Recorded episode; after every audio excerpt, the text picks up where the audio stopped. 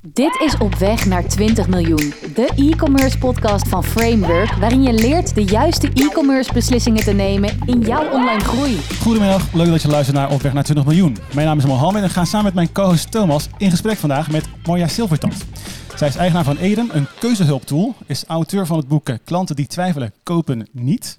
En vindt dat e-commerce kapot is. Maar gelukkig heeft ze ook een plan om het te maken.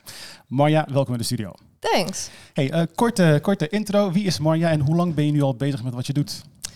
Uh, ik ben dus Marja, uh, 34 jaar, um, nu een jaar of zes bezig met Eden. Um, hiervoor was ik digitaal stratege bij een bureau, dus ik ken de bureauwereld ook wel een beetje. Um, maar op een gegeven moment dacht ik, hey, dit kan ik ook wel zelf. En toen uh, ben ik voor mezelf begonnen. uh, en dus uh, inmiddels nu een jaar of zes um, mede-eigenaar van Eden. Um, waar we het platform voor guided selling en keuzehulp hebben gemaakt. Waar inmiddels meer dan 60 webshops uh, nice. in Nederland gebruik ja, van maken. Klinkt goed. Klinkt en goed. Uh, Thomas, waarom, gaan vandaag, waarom is het zo interessant om uh, dit gesprek vooral nu te gaan voeren met, uh, met Marja? Nou, je hoorde net al dat de wereld bijna kapot is, hè, de e-commerce wereld. dus dat is de reden waarom we hier staan. Nee, als je natuurlijk ziet als e-commerce ondernemer, is het altijd een spel om uiteindelijk die klant te verleiden om uiteindelijk te komen tot een aankoop. En uh, we weten denk ik allemaal wel de, de percentages. Ik geloof dat 97% van, uh, van de bezoekers afhaakt in uh, de uiteindelijke transactiereis. Um, dus de vraag die daar eigenlijk bij ligt is van hoe kan je er nou voor zorgen dat je die klant zo goed mogelijk begeleidt naar, uh, naar die aankoop toe. En uh, nou, we hoorden het net al, uh, zover ik heb begrepen, een boek over geschreven. is Marja daarin toch zeker wel een, een autoriteit. Dus mijn eerste vraag naar jou van guided selling. Dat is waar jullie mee bezig zijn. Wat is het precies? Ja, het is eigenlijk precies wat de naam al verraadt. Het is het guiden van je klant in de sale journey of in de customer journey. Um, dus neem je klanten bij de hand in hun zoektocht naar een product of een dienst um, en adviseer ze. En het is dus eigenlijk iets wat, uh, nou ja, het is een vet nieuw, fancy, hip begrip, maar het is helemaal geen nieuw ding. Want dit doen we natuurlijk allemaal al jaren offline, in ja. de offline winkel. Daar loop je binnen en als het goed is, als het een beetje een goede winkel is, dan is er altijd wel iemand die je kan helpen. Uh, die komt misschien proactief naar je toe. hey, uh, kan ik je ergens bij helpen? Of als je zelf een vraag hebt, dan loopt er wel iemand met een felblauw t-shirt die je even kan aanschieten van, hey, ik heb even wat hulp nodig. Um, dat is er online gewoon niet. Dus in die beweging die we hebben gemaakt van offline naar online, hebben we eigenlijk alleen de producten online gebracht. Uh, en die adverteren we heel mooi en die zijn allemaal gerangschikt in lijstjes, et cetera. Maar het personeel om je te helpen, dat hebben we offline gelaten. En die adviesfunctie is volledig achterwege gebleven. Als ik uh, op, een website kom op, op, op een website kom en ik krijg zo'n pop-up op mijn mobiel met hey, kan ik je helpen? Raak ik soms juist wel geïrriteerd, moet ik zeggen. Want wat, wat, wat zijn dan de verschillende vormen? Of zeg maar, wat is, hoe, hoe moet je dat voor je zien op zo'n webshop? Ja, dat is een heel goed punt. Je wil dit natuurlijk niet opdringen. En dat geldt trouwens ook voor de offline winkel. Je hebt natuurlijk ook daar dat mannetje die net iets irritant is. Waar je denkt, nee, ik kijk zelf wel even rond. En dat is ook precies de balans die je met guided selling uh, ja, wil hebben. Dus het moet beschikbaar zijn voor klanten die twijfelen in the moment that matters. Dus klanten die twijfelen moeten geholpen kunnen worden. En klanten die zelf wel weten wat ze willen en zelf wel ja, kunnen, uh, kunnen zoeken en filteren en weet ik veel wat, die moet je daar ook niet mee lastigvallen. Um, maar op dit moment is het alleen maar dat tweede wat gedaan wordt. Ja. Namelijk, hier zijn al onze producten, zoek het lekker zelf uit. Ja, ja en dat is gewoon dom. Ja. Dan laat je gewoon enorm hey, veel en, en als je dan kijkt hè, naar guided selling, zeg maar. Uh, uh, wij als uh, e-commerce bureau zijn natuurlijk heel druk bezig met het met bouwen van e-commerce websites. En je ziet inderdaad dat er verschillende varianten dan in mijn ogen in zitten. Enerzijds al nadenken over de menustructuur, waarbij je natuurlijk ook een klant geleidt naar het juiste deel. Uh, de filtering, je noemde het net al, uh, um, waarin natuurlijk ook al een vorm van categorisering is, zeg maar. Hoe kijk je daar dan tegenaan? Is dat ook al guided selling? Of zeg je van, nou nee, dat gaat echt wel een stapje verder? Nee, dat zijn gewoon, dat is bewegwijzering in het magazijn. Dat okay. is geen guided selling. Uh, guided selling is echt, leef je in, in de klant en stel de juiste vragen, waardoor je die klant het juiste advies kan geven. Um, de manier waarop e-commerce nu werkt en waarop websites eigenlijk zijn opgebouwd en waarop we 25, al vijf, meer dan 25 jaar trouwens um, webshops bouwen, um, is um, puur vanuit die producten gedacht. En, en dat is precies het, het online brengen van het magazijn en het adverteren van die producten en daar wat bewegwijzering aan toevoegen. Ehm, je kan filteren, je kan wat zoeken. Ehm, maar het is niet mensen helpen kopen. En ik zei net al, dat is best wel dom. want ja, want je hebt in principe één doel als shop. Dat is dingen verkopen. Maar, maar advocaat van de duivel, ik bedoel, e-commerce groeit jaar op jaar. Het gaat goed, webshops maken omzet. Gaat het bedoel, goed? Ja, ze maken omzet. Maken ze ook allemaal winst en maken ze genoeg winst? Dit is een best wel groot probleem in, in, in de e-commerce. Eh, er zijn weinig shops, zelfs de grote jongens, die echt secuur zijn in hun winst. En waar, ja, weet je, omzet groeit, oké. maar is het echt, is het model zoals het nu werkt echt goed voor bedrijven? Naast dat het eigenlijk niet goed werkt voor consumenten. Daar gaat mijn boek over. ja. Ja, want dat is mooi. Klanten die twijfelen kopen niet, is eigenlijk je titel eh, die je daarin... eh kan, je, kan je er iets over vertellen? Je- Dat heb je vanuit een bepaald, misschien wel een ideologie Ja, eigenlijk stiekem wel, ja. ja. Ehm, nou, dus de aanleiding van het boek en de aanleiding van het bedrijf lopen een beetje door, elkaar heen. Dus ik kan denk ik wel, wel vertellen hoe, hoe nou ja, dit eigenlijk bij mij een beetje is gaan spoken. Ehm, nou, ik zei al, ik werkte, ik werkte vroeger bij een bureau en ehm, ik, ik was, op een gegeven moment eh, was ik gedetacheerd bij eh, Philips Lighting. Ehm, en daar was eh, een van de klussen die ik deed, was ja, mensen helpen om een, lamp te kopen online. Dus ze hadden eigenlijk nog niet zo heel lang de webshop. En er moesten gewoon meer lampen verkocht worden. Maar ja, als een lamp stuk gaat, dan, dan draai je die uit en dan heb je een lamp. Weet je wel, maar wat voor lamp heb ik nou eigenlijk vast? En hoe moet ik die vervangen? En ja, dat als consument, ja, je gaat naar de bouwmarkt en je kan een soort van vergelijken van, oh, dat zal die wel ongeveer zijn. Ehm, maar wil je een bepaalde sfeer neerzetten? Wil je, wat is je doel? Eh, waar wordt het gebruikt? Ehm, dus daar kwam eigenlijk al dat idee van, hey, kunnen we niet een lampenkeuze opmaken? Ehm, dus, en dat is inmiddels acht jaar geleden of zo. Ehm, gelijktijdig had ik een hobbyprojectje eh, met wat vrienden en, en oud-collega's, ehm, waarbij we een cadeaukeuzehulp aan het bouwen waren. Eigenlijk heel erg vanuit diezelfde gedachte. En ik moet eerlijk zeggen dat ik niet meer weet of die twee dingen soort van gelijktijdig soort van zijn ontstaan, heel bewust, of dat het gewoon per ongeluk onder water hetzelfde ding was. Maar bij mij zijn al die dots geconnect tot er is hier een groter probleem. Namelijk, eh, e-commerce werkt alleen voor de man met een missie. Degene die precies weet wat hij wil kopen. Vet, weet je wel. Je gaat zoeken, je vindt het, je koopt het en het wordt bij wijze van spreken vandaag eh, bezorgd. Maar als je niet weet wat je precies moet kopen, of het nou een cadeautje is, of een lamp, of een matras, eh, of een wasmachine, noem maar op, ehm, dan kom je online echt ehm, maar knap lastig tot een aankoop. Ehm, en dat is echt een frustratie die ik gewoon zelf ook als consument ervaarde. Eh, en hoe meer ik daarover na ging denken, hoe meer ik ermee bezig ging, ehm, en hoe meer ik eigenlijk het succes ook zag, want ons cadeau-appje was per ongeluk best wel succesvol, eh, hadden we helemaal geen rekening mee gehouden. Ehm, nou, hoe meer ik dacht, hé, hey, hier zit gewoon wat. En hier moet iemand eh, voor de echt iets mee gaan doen. En dat, dat ben ik toen maar gaan doen. Juist. En, en is daar dan uiteindelijk ook dit boek uit voortgekomen? Ja, dus ehm, destijds eh, zijn we eigenlijk ja, gestart met wat nu dan zes jaar later Eden is geworden. Ehm, en in de loop van het bedrijf Eden, we hebben altijd heel erg vanuit die visie gewerkt. Van, we hebben eh, verschillende bedrijven, ook grotere corporates, geholpen met hoe kun je nou online veel meer gaan adviseren en assisteren in plaats van alleen maar adverteren. Ehm, en eh, ons doel was altijd, dit moeten we, hier moeten we gewoon een product van maken. Dit moet een SaaS-product worden waar je als webshop gewoon zelf mee aan de slag kan. En waardoor je dit gedachtegoed schaalbaar kan gaan vertalen. eh, en mensen echt beter kan gaan helpen.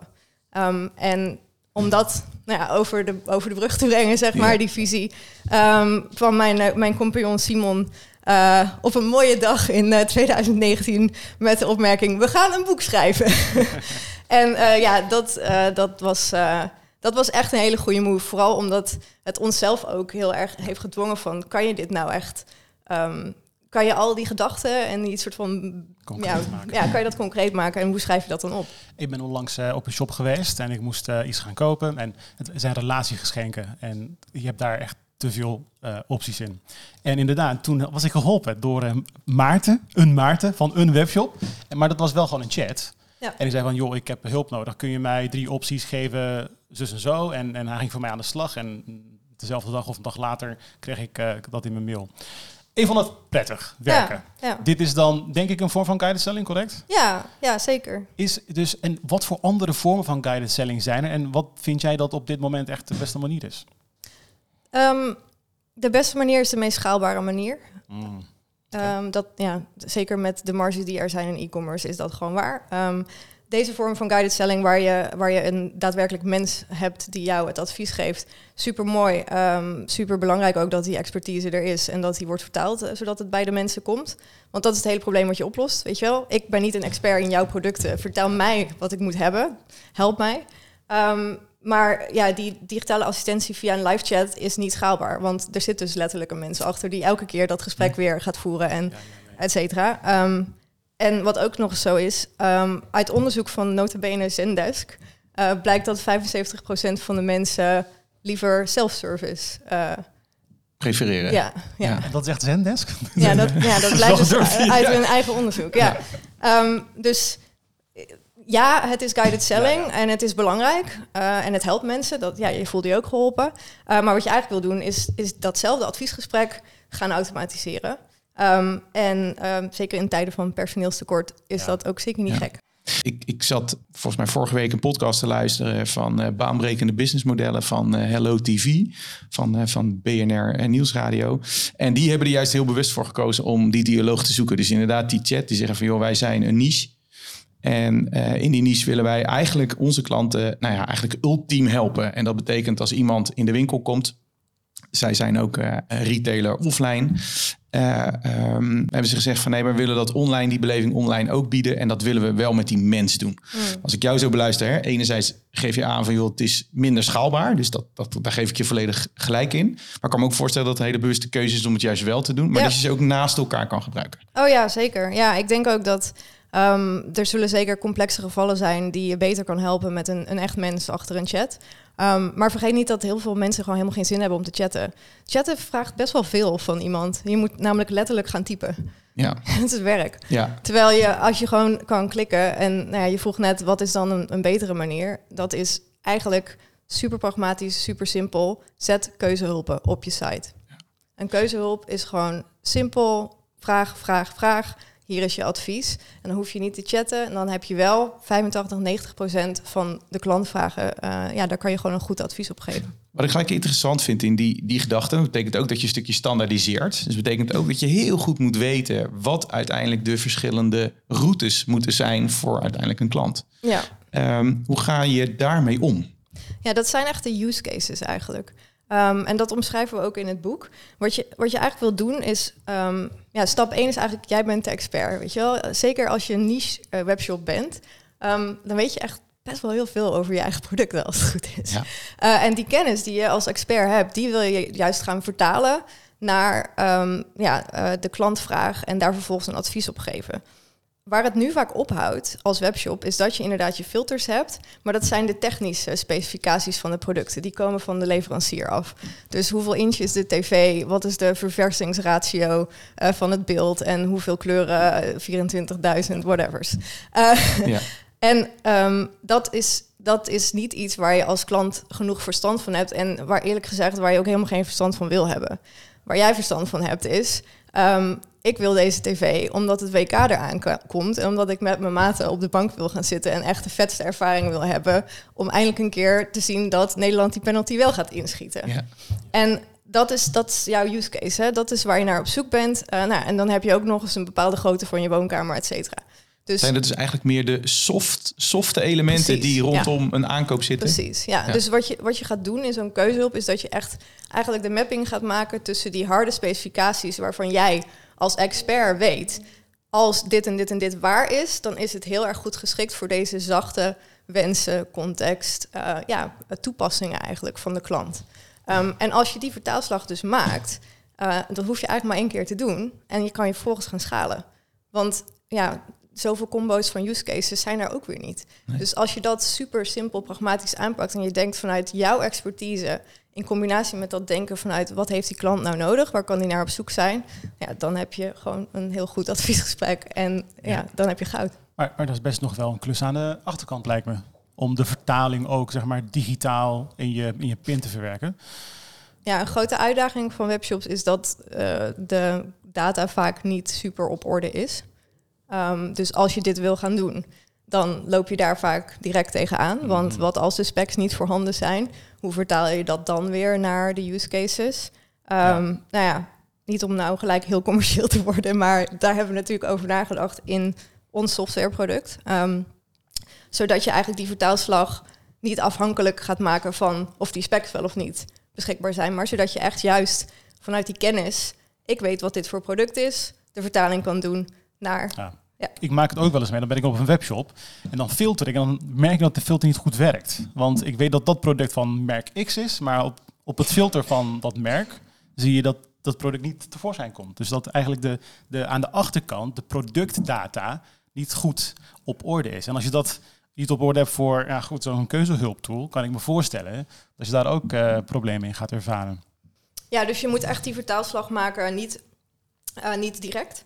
Dus niet deze spec equals dit. Ja, ja, ja, ja. Snap je? Um, maar juist een combinatie van specs en jouw eigen expertkennis equals dit. Um, en dat moet je mogelijk maken, want anders is het ook niet schaalbaar en anders is het ook geen goed advies. Want dan, dan ben je alleen maar een filterassistent aan het maken. En dat zie je nu vaak. Hè? Dat, ja, dus, er zijn wel webshops die uh, ook al met keuzehulp aan de slag zijn. Bijvoorbeeld een bol.com Um, maar die maken eigenlijk filterassistenten. Dus Filterassistentie. Ik vind ja. een mooi woord. Ja, ja, dat is echt een verrijking van... En, daar, en eh, daarin zit je natuurlijk... Uh, want laat zo zeggen, die vraag die had ik dus ook in mijn hoofd. Dat, dat is dus eigenlijk die problematiek rondom productdata. Kijk, er zijn natuurlijk gewoon partijen die hun productdata uh, uh, enorm goed op orde hebben. Uh, al dan niet via leveranciers, want dat zie je natuurlijk ook wel vaker, dat er zelfs databases zijn. Maar er zijn natuurlijk heel veel partijen die daar gewoon heel veel moeite mee hebben, omdat het ook heel tijdrovend is. Ja. En dus eigenlijk wat jij zegt is van, nou oké, okay, nee, weet je, losstand van het feit dat je die productdata wel op orde zou moeten hebben. Ik denk dat, dat, dat je zeker niet zegt dat dat niet nodig is.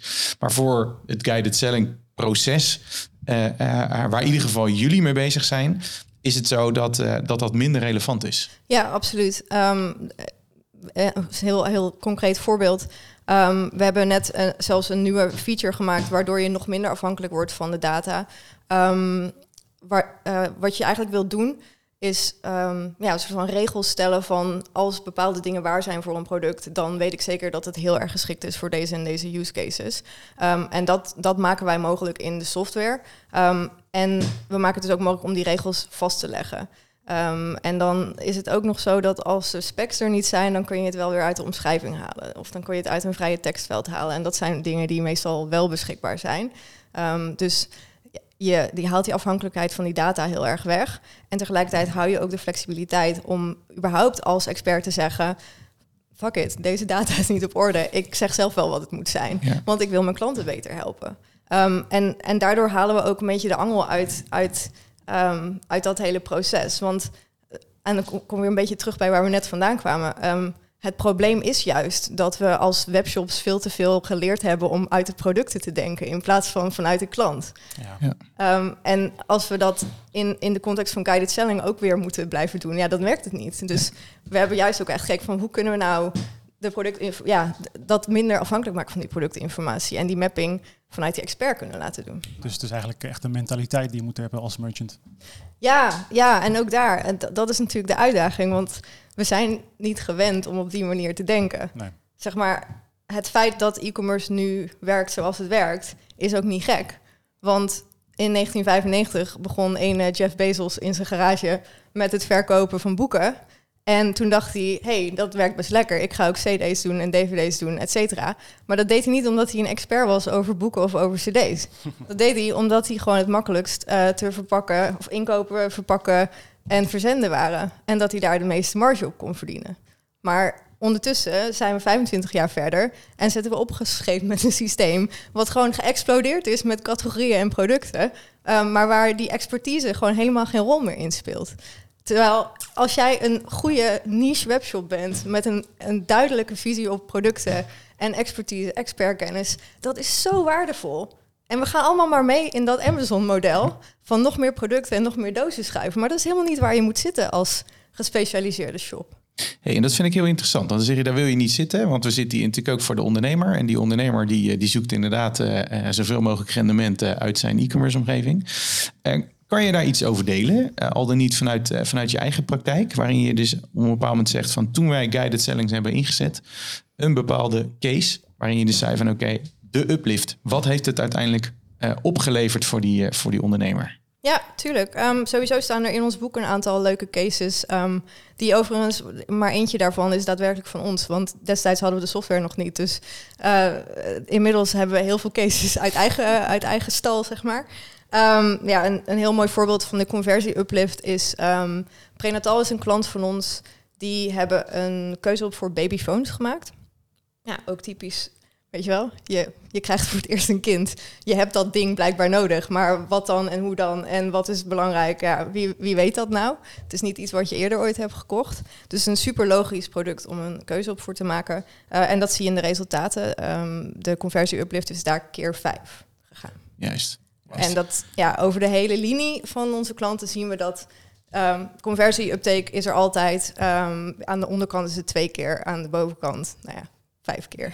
En dat is dan inderdaad het financiële component, waar ik Ja. natuurlijk ook, of, eh, ook naar, naar vroeg hoor. Dus, en ja, de andere kant is eigenlijk meer het zorgen dat je de klantbeleving verbetert. Ja. Dus eigenlijk hè, in je hele klantreis daarin.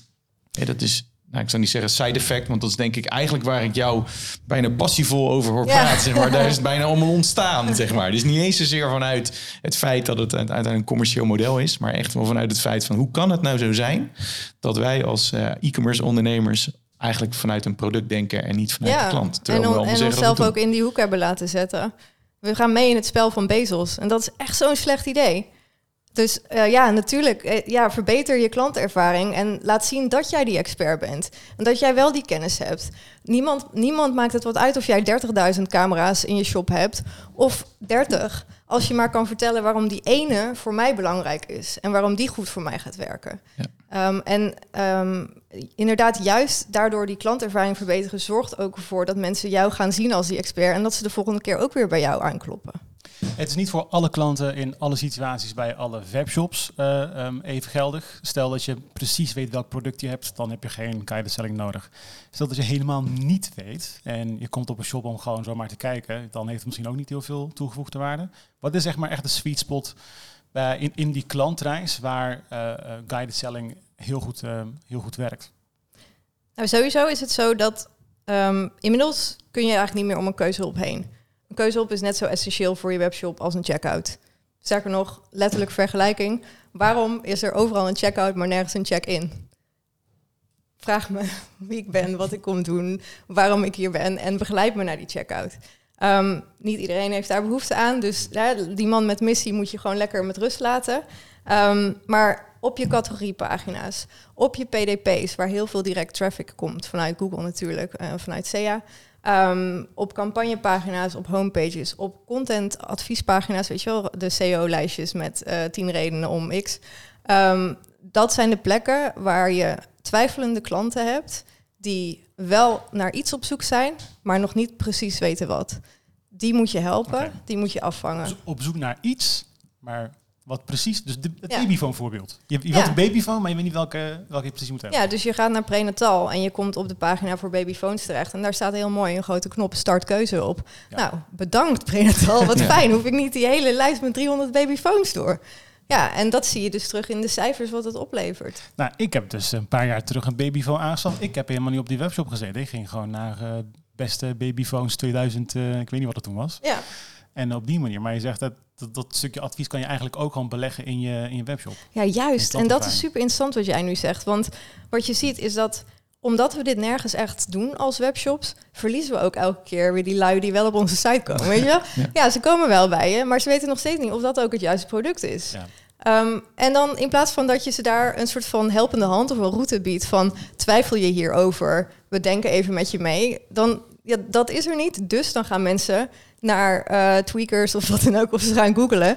Eh, en, en dan ben je ze kwijt. Dan komen Ja. ze weer op een andere site uit. Waar, waar ik aan zit te denken, ehm, in hoeverre nemen jullie ook, want eh, jij triggert mij hier ook, eh, eh, Mo, in het, in het verhaal wat je zegt. ik ga op zoek en nou ja, ik denk dat mijn journeys in heel veel producten niet heel veel anders is. Dat ik op een bepaald moment zeg van oké, wat is de best beoordeelde of wat heeft de meeste, meeste reviews? Coolblue staat daar vol van, van Coolblue's keuze. Of nou ja, je kan filteren op meest populaire product.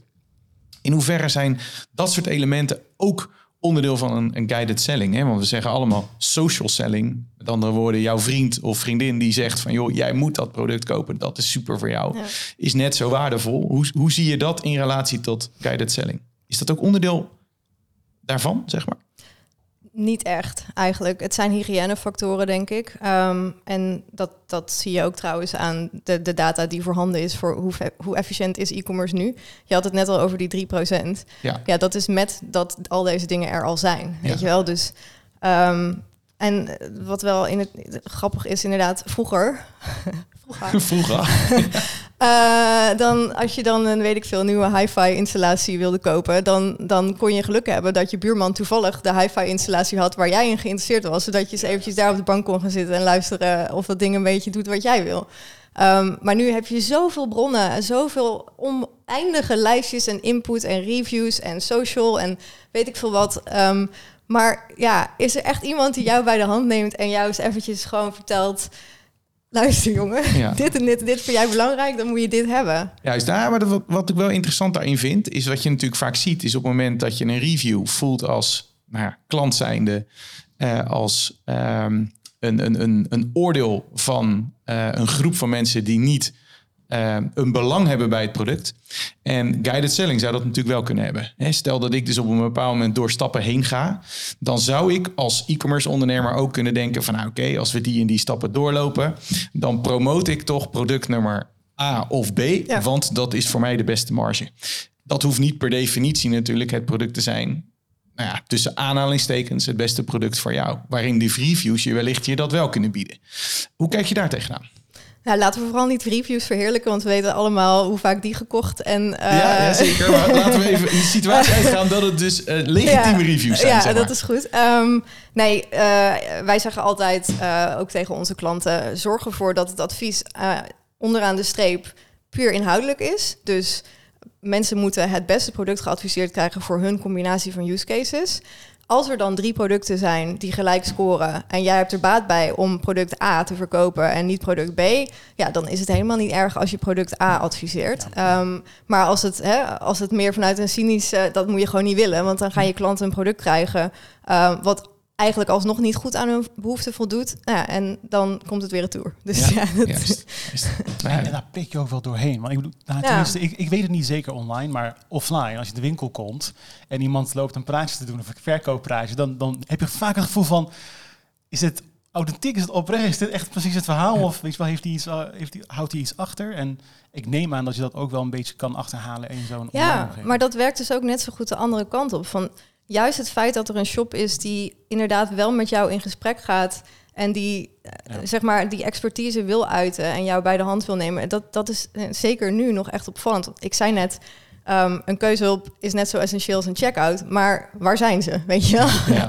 Ehm, dus als jij op een shop komt waar ze je echt gaan helpen en je een advies geven, ja, waarom zou je überhaupt zo wantrouwend zijn? Want je bent zojuist geholpen. Dus ik geloof niet echt dat mensen daar, daar zo gelijk zo cynisch in zitten. Ehm, en ja, dat, is dus, dat zou dus ook, ook mijn advies zijn naar, naar webshops die hiermee aan de slag denken te willen gaan. Van, het is een manier om jezelf juist ook te onderscheiden van de andere shops. Ja. Eh, en, en ook zeker van de grote jongens. Want die hebben die expertise niet. En die kunnen niet op die manier adviseren. En jij wel.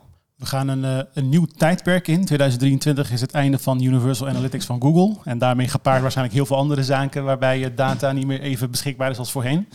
Ehm, ik eh, kan me voorstellen dat dit ook super interessant is in het kader van dataverzameling. Absoluut. Ja, Hoe, hoe, wa- waarom zou dat interessant zijn? ja ehm, conversie is, is hartstikke leuk. Vinden we allemaal heel leuk.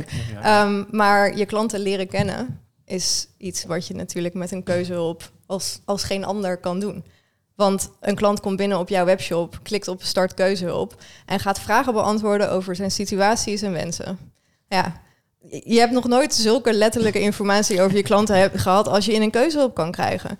Eh, serieus, want eh, de data die we tot op heden eigenlijk vooral verzamelen, ja, dat, dat is, eh, nou ja, op zijn best is dat first party data. Hè? Dus dat zijn formuliertjes die ze invullen bij de checkout of wat dan ook. Ehm, maar hier hebben we het echt over zero party data. En dat is, dat is data die klanten vrijwillig aan jou verstrekken. In dit geval is dat data die heel veel zegt over wie ze zijn en wat ze zoeken.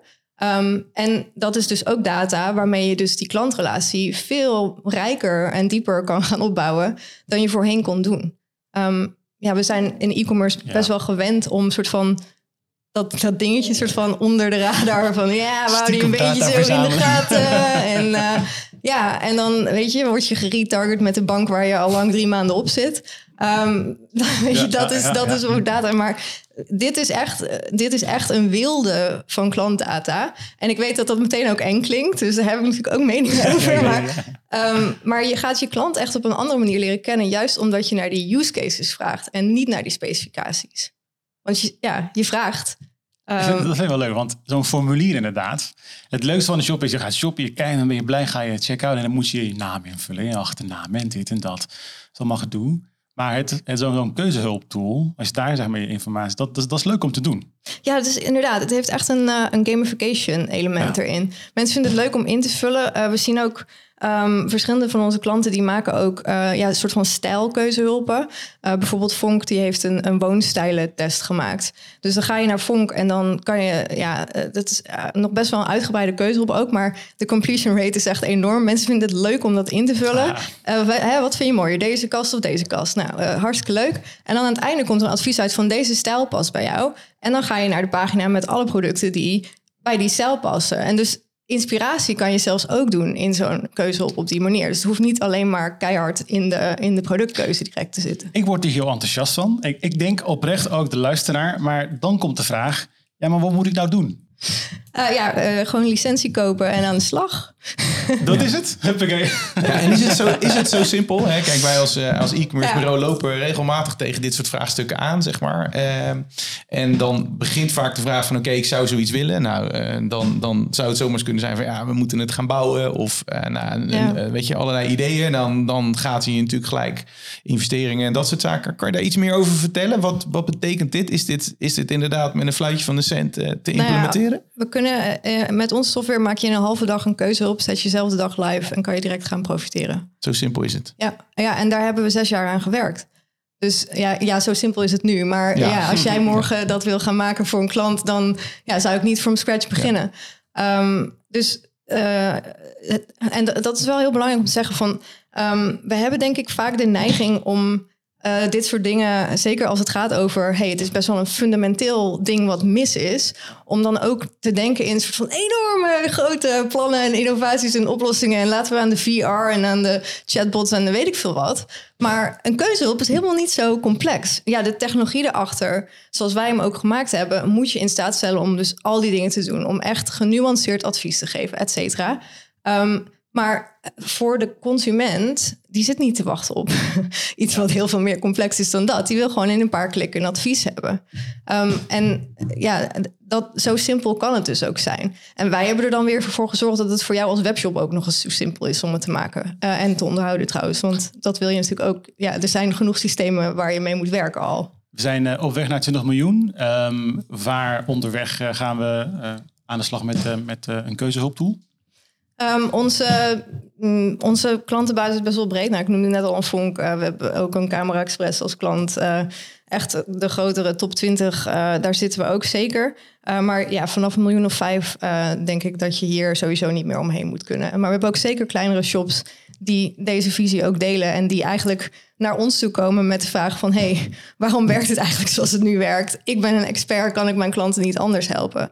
En dat is ook heel leuk om te zien. Want het zijn ook vaak juist die, ja, die middengrote shops... die een bepaalde expertise hebben. Um, en en die, dat, die zich daarmee ook beter kunnen onderscheiden... ten opzichte van die grote jongens. En wat hebben we daarvoor te bieden? Want ik denk juist als je, hè, we hadden het net over een of ander, uh, nou ja, laat zo zeggen, conversie-uplift, die, die best fors kan zijn. Dus met name in die reis, als we praten over de reis van naar 20 miljoen, zit ook zeker aan die onderkant, is nog een wereld te winnen, zeg maar. En wat je vaak ziet ook uh, uh, met partijen waar we praten, is dat ze een bepaalde sweetpot voor hunzelf kiezen en zeggen van nou, tussen de 5 en de 100 miljoen vinden we interessant.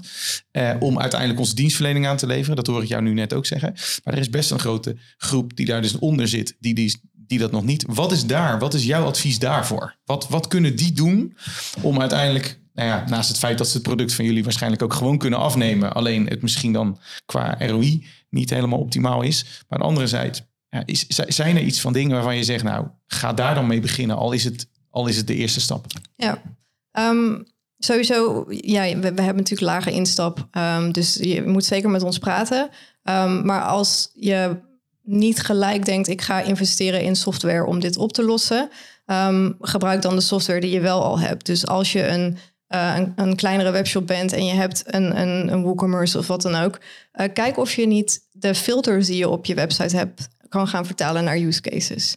Dus in plaats van dat je de hoeveelheid hertz, et cetera, zet, dat je daar een rijtje met use cases neer gaat zetten, waar mensen zich wel in herkennen. Dat zijn dingen, dat kost wat werk. Um, het, ja, het zal minder snel gaan dan even een keuze op je maken. Uh, in Eden.